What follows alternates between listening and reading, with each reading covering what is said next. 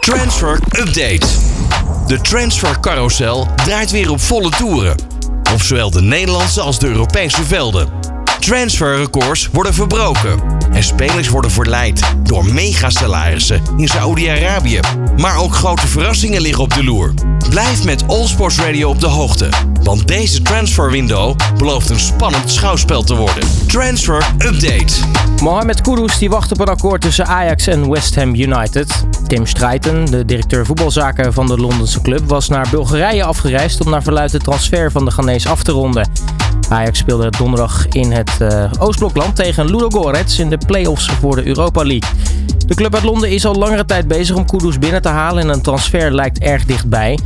De genees erkent te hebben gesproken met de Premier League club. Naar verwachting is hij dan volgende week donderdag niet meer bij, als Ajax in Amsterdam de return speelt tegen de Bulgaren. Bayern München-verdediger Benjamin Pavard die staat voor een overstap naar Internationale. De Fransman meldde zich deze week ziek tussen haakjes en dat heeft erin geresulteerd dat de belangstelling voor Feyenoord-verdediger Lucero Geertruida toe is genomen. Volgens journalist Toby Altscheffel zou Geertruida ondertussen zelfs topfavoriet zijn bij Bayern om Pavard op te volgen.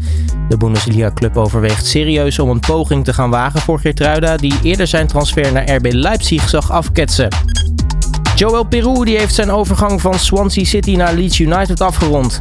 De transfer levert PSV overigens een leuk zakcentje op, want de Eindhovense club ontvangt dankzij een doorverkoopclausule naar verluid 1,3 miljoen euro. PSV verkocht Peru in de zomer van 2021 aan Swansea. Naar verluid ontvingen de Eindhovenaren destijds een bedrag van 2 miljoen euro en dwongen ze een doorverkooppercentage van 10% af.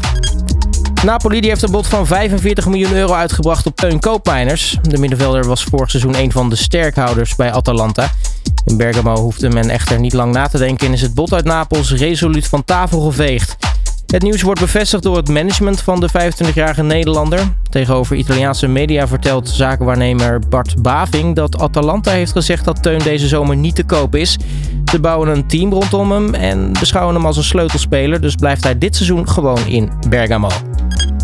Kylian Mbappé die vertrekt deze zomer niet naar Real Madrid, zo meldt trainer Carlo Ancelotti. De transfersoop rondom de Franse sterspeler lijkt daarmee met een sisser af te lopen.